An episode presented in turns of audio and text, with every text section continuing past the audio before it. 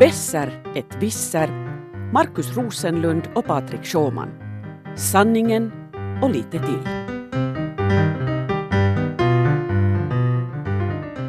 Patrik, har du, har du sett det här eh, James Bond-filmen Nej. Moonraker?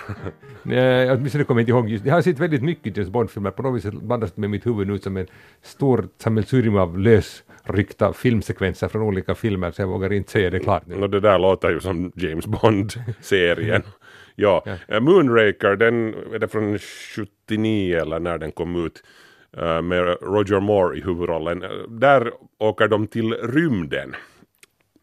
James Bond åker iväg ut till rymden med skurkarna i hack i häl eller var det nu tvärtom att de skurkarna och Nåja, hur som helst. Eh, det finns, man, man brukar säga om underhållningsbranschen som vi nu på något vis är en del av eh, att eh, när man förflyttar händelserna till rymden så är det ett tecken på att idéerna har tagit slut riktigt på allvar. Men vad, har- vad har vi gjort nu? Vi har pratat om, vi har haft James Bond i Sovjetunionen, i Afrika och här och där och alla tänkbara skurkar. Vad, vad har vi inte ännu gjort? Vi, vi har inte varit i rymden ännu. Dit, dit måste vi fara härnäst. Ja, det, det där är alldeles eh, klart. Jag kommer ihåg i tiden, det var en sån där eh, serie som heter Love Boat som var en, en tv-serie med romanser på en Karibienkryssning och i dessutom de plockade in rymdvarelser i den. Så då, då visste man att nu var den på fallrepet. Ja, eller Dallas när de South Fork plötsligt var på månen. ja, no, men vet ni vad? Bessaret vissar är också i rymden nu så att om det här nu sen är början på slutet för Men, men oss. du är ganska ofta där så det hör lite till. Nå, ja, Vi börjar där, vi tar det bara till lägre djup eller högre höjder. I och för sig, eller så har hela min karriär här på Yle som vetenskapsredaktör varit en enda lång utförsbacke. Nå jo, men vad vi tänkte tala om idag var är alltså rymden ur olika synvinklar. Det är nämligen så att eh, Pentagon, USAs försvarsministerium, har här, här, häromdagen, häromdagen hade gett ut en, sin årliga rapport om Kinas rymdprogram som de håller ett väldigt noga öga på. De är oroliga förstås vad konkurrenten ha, har för sig och de konstaterar i den här rapporten att, att Kinas eh, rymdprogram fortskrider i rask takt och att det får allt mera sådana här militära förtoner, det vill säga Kina håller på att militarisera sitt rymdprogram och, och planerar all världens Eh, det här krigshärdade satelliter och system för att slå ut uh, motståndarens, det vill säga Amerikas kommunikationssystem och navigation och etc. och etc. Och att, också att den kommersiella sidan av det hela är väldigt eh, på väldigt stor och snabb frammarsch, att de, de, kommer, de håller på att bli en stor Äh, aktör när det gäller kommersiell satellituppskjutning och sånt här. Så att både på den här militär, militära och kommersiella sidan håller, håller Kina på att bli en farlig och aggressiv konkurrent för USA som, som ju har varit van vid att vara den där dominerande parten i, i rymdsammanhang ända sedan de vann månracet. Men nu är det alltså här då inte så mycket bara det sikta mot stjärnorna, utan sikta på stjärnorna, och uttryckligen stjärnorna i USAs flagga, det är liksom det som man är orolig för. Ja, no, alltså det är ju ett faktum att om du, om, om, om du skaffar dig något slags militärt herravälde i, i rymden, i vår närrymd runt, runt jordens omloppsbana så, så då, då, är det, då, då är du ganska långt herre på täppan. Då kan du, jag menar om du skaffar dig kapaciteten till exempel nu att slå ut USAs hela satellitnavigering eller, eller spaningssatelliter så, så, så USA slåss ju i blindo då om det blir krig. Och det här är ju en orsak till att Donald Trump härom veckan eller när det nu var kom med sitt ganska i mitt tycke dödfödda förslag om den här Space Force vet du. Nu ska vi ha en Space Force. Alltså jag måste ju säga, jag tyckte det lät som om han skulle ha sett för många rymdfilmer. Ja, men, ja, det har han ju. Han tittar ju på tok för mycket på TV. det gör han ju. Och, och det här är ju, men det här är ju, dels är det här ju br- bröd och skådespel. Vet du. Nu hittar vi på något Space Force för att få folk att tänka lite mindre på allt det där idiotin som Trump har, har för sig. Men, men sen, sen är det ju nog också ett litet eko från Reagans dagar. Där. Kommer du ihåg Ronald Reagan? Han hade ju sitt Absolut kommer jag ihåg Ronald Reagan. Novem, ja, vår generation glömmer inte honom i första Ja, hast. B-skådespelaren som fortsatte vara cowboy på presidentpallen. Ja, kommer du ihåg hur vi tyckte då och tänkte att, att Reagan är ungefär det galnaste man kan tänka sig som USAs president, att någon, någon B-western-skådis som president, att herregud. Ja, man tyckte att det var faktiskt väldigt att, att så här dåligt kan det väl aldrig gå för USA igen att de skulle få någon sån president. Nej, precis, men nu har de en mutantversion av Reagan som president och, och som dessutom värmer upp Reagans gamla idéer. Uh, Reagan hade alltså sitt projekt Star Wars som inte då har någonting med, med R2D2 och Luke Skywalker att göra utan Men inte det något med lasersvärd att göra överhuvudtaget heller Nej, nej, nu ska du inte alls tänka i, i de där banorna. Det, det, det fick ju det här namnet Star Wars, det var det, var det här folkliga namnet eh, som sålde, eh, så att säga, i tabloiderna. Men det, det hette egentligen SDI, Strategic Defense Initiative. Och hade i princip att göra med vet du, lasersatelliter som skulle skjuta ner sovjetiska interkontinentala ballistiska missiler och, och så vidare. Så det var laser, det var laser inblandat i det här. Nu- så, nu var det det också, ja. Men, Men jag men, misstänker en sak om det här och det var det den huvudsaken var inte bara det att det såg snyggt ut i Stjärnornas krig med lasersvärd och därför skulle man ha också laser i rymden utan en, en bra grej med det här var ju att laser var dyrt dessutom. ja, precis, det var, ju, det var ju state of the art teknologi. Det var ju den, den tidens toppteknologi och, och teknologi kostar ju verkligen mycket. Och Sovjetunionen hade ju inte sådär jättemycket pengar. Nej, det här var ju lite en fortsättning till en ganska lång utveckling efter hela andra världskriget där USA konstant hittade på nya dyra vapen som Sovjet måste så liksom då försökte få ett sånt, försöker jag säga, övertag hela tiden. Men så hade Sovjet, precis som i James Bond-filmerna, några sådana spioner som hela tiden lyckades luska reda på det här och så försökte de bygga samma. Det var olika typer av raketer, det blev bättre och bättre och till slut landade vi här vid det här eh, då Stjärnornas krig-programmet. Eh, och Sovjetunionen led ju av ett enormt trauma från andra världskriget. De hade ju planerat alla sina fabriker, också de som tillverkar bilar och elvispar, liksom, till det att, att de snabbt skulle kunna flyttas om att tillverka krigsmaterial om det skulle bli krig. Mm. Att allt var detaljplanerat, så de kunde ju inte liksom tänka sig att backa från den här militära eh, ambitionen. Och det är ju en av de saker som bidrog till Sovjetunionens kollaps, att de hela tiden satsade så mycket pengar bara på de här vapensystemen och som inte egentligen sen bringar in något i statskassan. Men, men där blev ju sen Stjärnornas krig väl lite onödigt för att Sovjetunionen föll ju sen ihop. Ja, det var ju det som Reagan satsade på. Det var, han, han var, till, till skillnad från den nuvarande presidenten, så var ju Reagan de facto ganska smart. Och han visste att om vi kastar ut ett sånt här lockbete åt, åt ryssarna så kan de ju inte låta bli att nappa på det. Hur mycket han ryssarna nappa på det här sen i Stjärnornas krig-programmet? Nu, nu, nu började de ju, de byggde ju nya bärraketer, den här Energia-klassen som var den här stora tunga bärraketen som skulle lyfta upp all, all behövlig hårdvara i rymden. De hade den här Buran rymdskytten som såg exakt ut som den amerikanska rymdskytten, den var lite mindre kanske.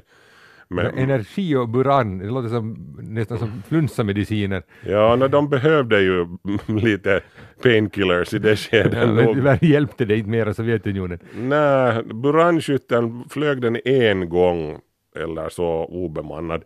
Uh, Energia bärraketen, det är lite synd om den för den var faktiskt helt bra och, men, men allt det här liksom föll platt på, på rumpan när, när Sovjetunionen kollapsade och jag menar mission accomplished. Ronald Reagan vann det kalla kriget. Eh, och, och det där, jag misstänker ju lite att Donald Trump har en sån här eh, ryggradsimpuls, en, en reflexmässig eh, idé med, med sitt Space Force. Att han, nu ska han göra samma sak fast med Kina den här gången. För, för kineserna är ju den här stora utmanaren just nu. Alltså jag sitter här, du ser inte någon, jag sitter här för att skaka mitt huvud och hålla mig om pannan. Det, det där, eh, det fanns ju en, alltså när den här Ronald Reagan satte igång sitt program, det här Stjärnornas krig-programmet, så då hade Sovjetunionen redan enorma problem. Ja, De hade översatsat pengar på militären och på då att också stödja regimer utomlands jättelänge och liksom långa tider hade det sovjetiska folket fått verkligen känna det i sin vardag, att det inte fanns pengar i Sovjetunionen och den här kollapsen var egentligen mycket närmare vad många förstod Mm. då i väst. Men nu är ju Kina inte Sovjetunionen. Okej, de är officiellt är de ju ett kommunistiskt system, men där är ju, Mm. den ekonomiska tillväxten är ju snabbare än i USA. Ja. Att, att om man här liksom tänker börja med en sån kapprustning i rymden och titta att vem spenderar först för mycket pengar, vem kollapsar först?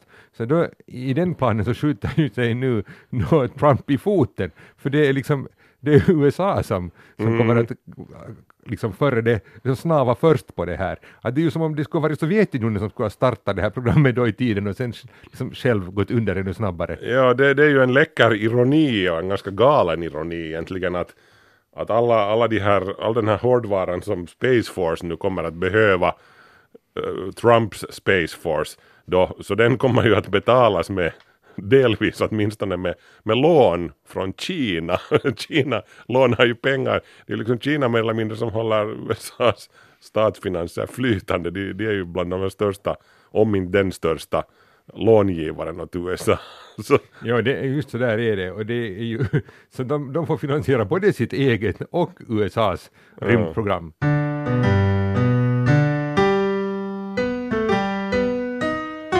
Men eh, det är ju på sätt och vis någonting som gör USA desto mer nervöst för, för eh, säkert är det många där som inser att Kina har eh, musklerna att, att genomföra två parallella rymdprogram fast om, om, om, om så krävs. Och, de, är ju inte bara, de här två är ju inte bara eh, konkurrenter i rymdsammanhang, de är ju också i allra högsta grad på, på den ekonomiska fronten. Där Ja, här kommer det, du till handelskriget som Ja, ja. Trump håller på att trappar upp här. Det är ju ett lite intressant, alltså det är ju så som nu Trump visionerar, han är ju nu hotat med ännu mera, han är ju hotat med att liksom trappa upp det här på ett sådant sätt att han ska höja de här tullarna ännu mera till då kinesiska produkter värda mellan 200 och 300 miljarder dollar. Eh, då blir det lite svårt för Kina att svara, för att Kinas totala import från USA eh, då i fjol till exempel omfattar 130 miljarder dollar, så det är liksom kanske till och med under hälften av de produkterna, om de ska börja sätta på samma, det är inte liksom värde på de här pengarna, men värde på liksom hur mycket stor den här importen är som man kan tullbelägga. Så om de ska svara med, med motsvarande tullar så de har mycket mindre var, varor att liksom ta tull från, så att här kan man ju tycka att, att USA skulle ha ett övertag. Men, men samtidigt så har ju då eh, en tid så låg det ute någon sån här film på internet där Kina ironiskt, vilket är ganska ovanligt, liksom tacka Trump för det här handelskriget, hur bra det är för Kina. Det är därför att de kommer så mycket närmare resten av världen och hur liksom alla tycker nu att Kina är mycket trevligare och Kina kommer närmare Europa speciellt Ja. än tidigare och Trump isolerar dem liksom sig själv och USA från allt det här. Men Men är det bra för Kina? På riktigt, jag menar, det, det där är ju poker, pokertaktik, det blir ju bullshit det där. I, inte det helt fel. Alltså nu ser man ju nog att nu biter de här, de här strafftullarna alltså på riktigt. Alltså Ja. Kina, man eh, ser ju att man har skrivit ner de här tillväxtprognoserna för Kina lite för i år. Eh, och just för tillfället går det ju då jättebra för USA. De har just alldeles nyligen visat ganska starka siffror, vilket kommer då nästan upp till två tredjedelar liksom av den kinesiska tillväxten. Men också om, om Kina då fortsätter, liksom, om det går neråt och som man tänker sig nu i Kina, närmar sig 6 procent den här tillväxten, så tänker man nu också att den i USA ramlar ner någonstans närmare 3, för att det är lite tillfälliga, det är skattelättnader och sånt som nu liksom engångsgrejer liksom, som har fått upp den här nuvarande siffrorna lite, så att man tänker att på längre sikt så rör sig då USA kanske närmare hälften av Kina. Så att, ja, äh, det är illa för Kina, det kan man nog bra säga. En annan sak är sen det att äh, inte det här är ju så bra för USA heller. Att i USA säger man ju rädd att Trump inte ska lyssna på det här näringslivet som i USA varnar nog för de här tullarna. Han är ju inte den första, alltså precis som, som det här Stjärnornas krig-projektet som där Trump verkar kopiera Ronald Reagan, så i det här handelskriget så han är ju inte den första presidenten som har hittat på det här att man ska lite kriga handelskrig med Kina, det är en rolig idé. Eh, till exempel George W. Bush försökte sig också på det. Och, och det gick inte jätte, jättebra. Det här var 2002 och det ledde till att eh, 200 000 jobb gick förlorade i amerikansk industri till slut för att liksom Mm. det hämmar handeln så mycket. Så att det här handelskriget är ju nog sånt att där finns ju inga vinnare egentligen. Ja. Men, men om vi nu tittar lite på, på historien, vi hade ju Mao Zedong då som, det, det var visst han som sa i tiden att, att, att eh, Kina kommer att vinna det tredje världskriget för vi har så mycket folk att vet du hur många av våra städer som igen bombar, atombombar till stenåldern så, så kommer vi ändå att ha tillräckligt mycket folk som överlever för att kunna starta en ny världsordning. Åtminstone optimism där. Men, men, men ligger det någonting i det här? Jag menar amerikanerna, vad är de 300 miljoner i USA just nu? Kina är 1,3 miljarder eller någonting sånt. Vet du. Hur, hur mycket kan de lita på, på att de har den här en, to- enorma massan som, jag menar, vet du, en, en genomsnittskines behöver inte tjäna så jättemycket pengar för att komma upp, för att hela Kina ska komma upp till sin bruttonationalprodukt som motsvarar vet du, de- ja, det, alltså, man räknar ju med att alltså, Kina närmar ju sig, det, det är lite olika hur man förutspår, det är ju alltid så här med prognoser, men ganska snart, så där eh, 2030 till exempel, kanske till och med före det, så kan Kina ha gått förbi USA i ekonomisk tillväxt. Beroende på lite vem man, vilka siffror man tittar på, så nu är det ju helt möjligt. Det, är ju, eh, betyder, det betyder inte att liksom varje kines måste bli lika rik som varje amerikan. nej, nej. För när de är så många flera så Exakt ja, nej, det var det jag menade. Ja. Ja, så att de kan vara, eh, amerikanerna kan ännu vara då liksom, om de här proportionerna av befolkningen håller i sig, så eh, amer- amerikanerna, varje amerikan kan vara 4,24 gånger då liksom rikare än kineserna och de går ändå förbi sen vid det skedet liksom. Så att, atomkriget tror jag ju inte på, men att, men att nu kan de ju egentligen mycket handlar om utbildning. Och ju bättre kineserna klarar av att utbilda sin befolkning och få den ekonomin att snurra och sätta dem liksom i produktivt arbete eh, så då nog har USA all orsak att titta lite i backspegeln och se att de kommer med ganska hård fart. ja, och de har också all orsak att oroa sig för vad Kina kan göra i rymden just av den här orsaken. Men är för- det alltså så att ska alla kineser nu flytta ut i rymden? Det är det som är lösningen när de är så tätt befolkade? Nå, det, du är inte helt långt ifrån sanningen med det där. För förr eller senare kommer vi att bli en multiplanetär art, vet du, multi, multiplanetary species som Elon Musk brukar tycka om att mässa. Och Elon Musk har ju den här visionen om att han ska grunda den första staden på Mars. Det ska vara amerikaner som bor där och vi ska till Mars nu fort omedelbums. Men, men kineserna har ju till och med i sitt officiella rymdprogram så har de ju en ut, uttalad målsättning att de ska till Mars och de ska till månen, de ska bygga en permanent bas på månen.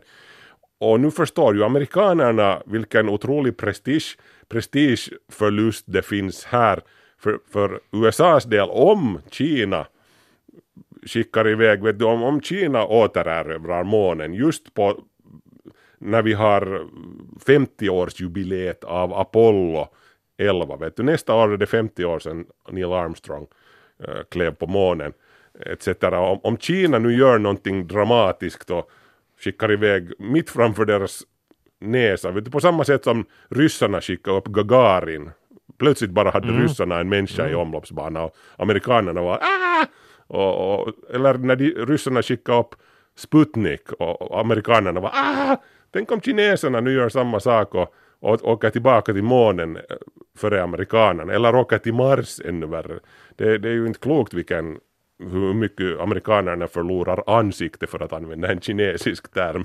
Ja, det är spännande hur det här går kulturellt ihop här. Men samtidigt så jag tänker tillbaka lite på det här handelskriget, för att samtidigt är det ju så att, att just nu när då Donald Trump verkligen trappar upp det här så eh, kineserna tycks ju också ta det samtidigt lite mera med självbehärskning det här som nu håller på att hända. De förstår det att man inte kan äta eh, en sån här prestigevinst. Liksom. Det, det, det, presti- allting är inte prestigevinst utan det handlar mycket om att, att man om Kina till exempel nu lovar, vilket de har försökt lova, att, att de ska faktiskt titta på det här handelsöverskottet med USA och så här, så tar de ju bort ammunition från Trump på det här sättet. Han har ju svårare att, att förklara att hur hemska de är om de verkar mycket trevliga och medgörliga och så här, och att, eftersom ingen vinner på det handelskriget heller egentligen.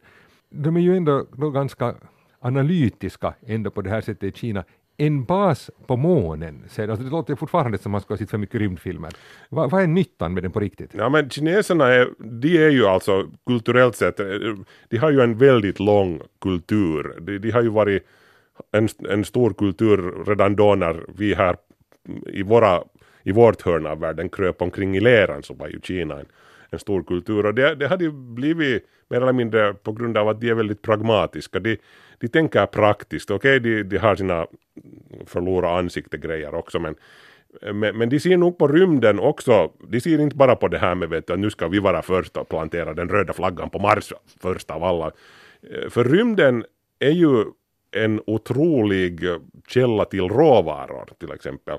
Om vi tittar lite längre framåt, uh, asteroiderna som kretsar här i vår närrymd, i jordens närrymd, det finns sådana mängder värdefulla metaller, guld, platina, vet du, allt du kan jag tänka vet, dig. Jag vet, jag sitter här och tittar just på datorn, googlar här på Planetary Resources, ett sånt företag som... Ja, ett där- amerikanskt företag som har grundats för att, för att åka ut och, och, och de, de tittar, ja, tar reda, håller reda på det, de sitter och räknar att var finns det vatten, var kan vi ha våra eh, baser där och, och, och utvinna våra metaller och andra fina saker. det finns någonting stil med, är det de som uppger att det finns någonting stil med två triljoner ton vatten på, på, på de här inalles 16 000 asteroiderna i vår jordens närrymd som man bara kunde åka ut och, och, och utnyttja. Ja, två triljoner ton, precis så är det. Ja.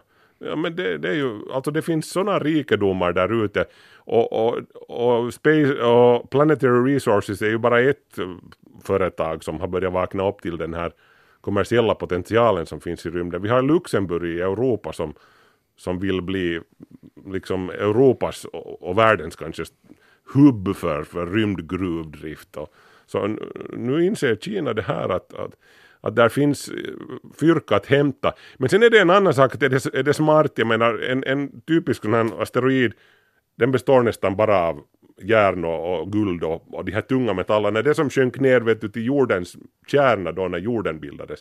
Vi har ju bara, mest bara den här lätta stenen som ligger överst här. Allt det här good stuff, det har sjunkit ner.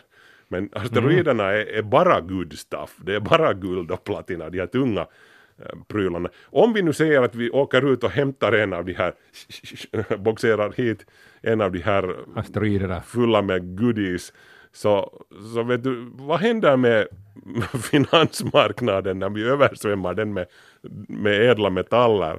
Alltså, eh, om jag eh, tänker nu, plötsligt kastar min hjärna mig hundratals år bakåt i tiden när jag tänker på det. Jag tänker på konkvistadorerna som for till Sydamerika och hittade silver och guld i mängder och massor. Och jag tänkte att de skulle bli jätterika, hur fantastiskt det är när de kommer tillbaka till Europa blir jätterika. Och klart att de fick ju mycket pengar för det var de kom. Men den egent, liksom, spännande saken var att man förstod ju sig inte riktigt på inflation då och på det här med hur värde kan kasta. Så till exempel spanska staten fortsatte att beskatta folk på samma sätt som tidigare utan att märka att till exempel priset på silver hade sjunkit massor för det kom ju ut så mycket mera silver på marknaden.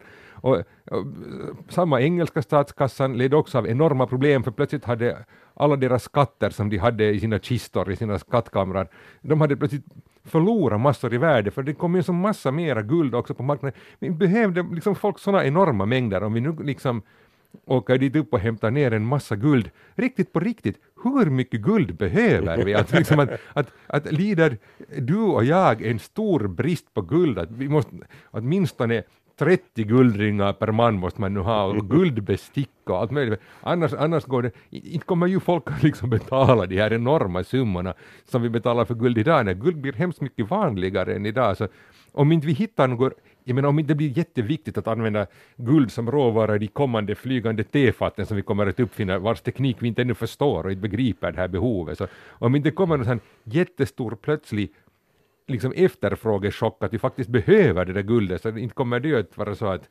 att man på samma sätt får en massa pengar för det när man släpar ner en massa guld från asteroider. Men tänker de som har guldfeber, om vi nu säger att Donald Trump har drabbats av guldfeber, tänker man så där rationellt eller vill man bara ha guld, guld?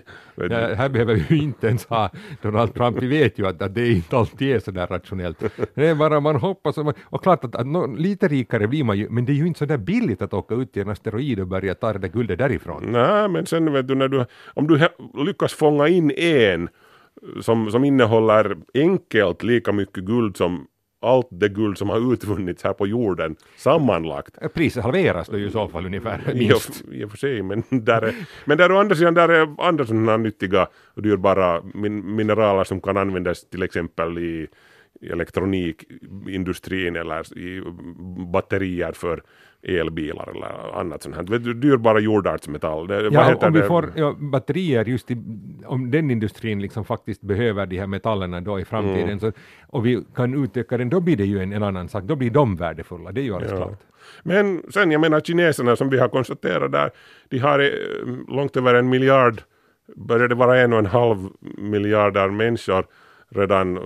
Förr eller senare så kommer kineserna att vilja utvidga sin sfär i rymden, för de måste göra det. De måste antingen flytta en del av gänget till Mars eller någonstans eller bygga sådana stora habitat i omloppsbana. Och, och, och då kommer vår närrymd att bli väldigt eh, tr- trång och full av folk som kommer och går och, och, och då kommer det att vara en viss fördel av att ha militär dominans där uppe och nu, nu, nu är jag säker på att alla de här parterna tittar lite med det öga också på framtiden att, att det är bäst att förbereda sig.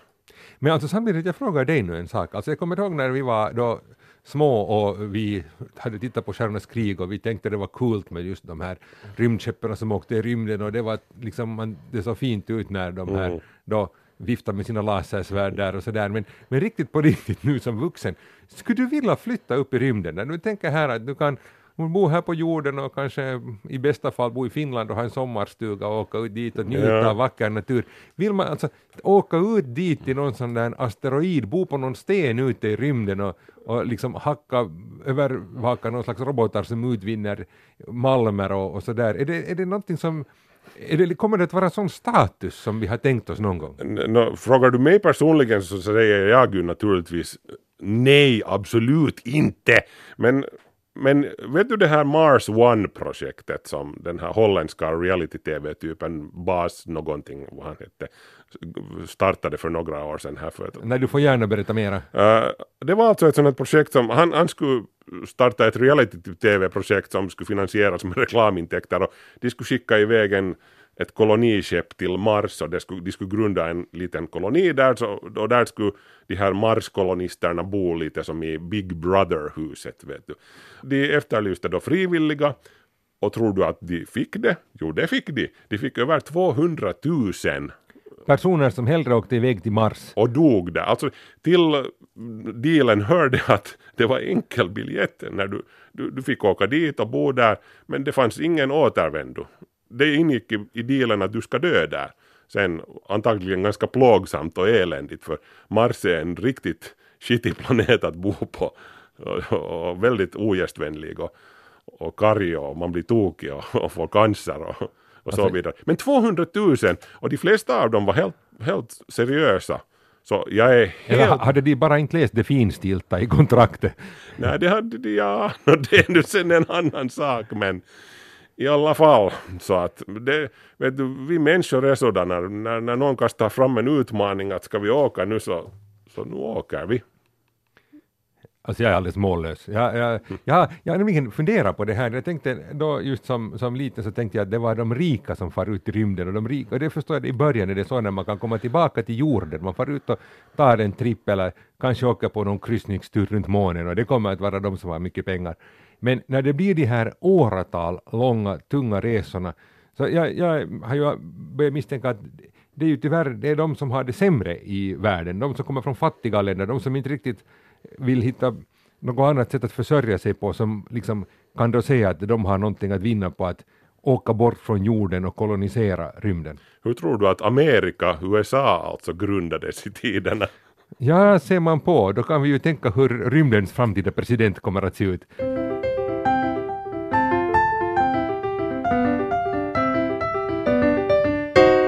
Också den här väldigt jordnära podden har varit en svenska Yle-podd. Och du har lyssnat på Marcus Besser Rosenlund. Och Patrik Wisser Schåman. Vi är tillbaka igen på en planet nära dig. Nano, nano.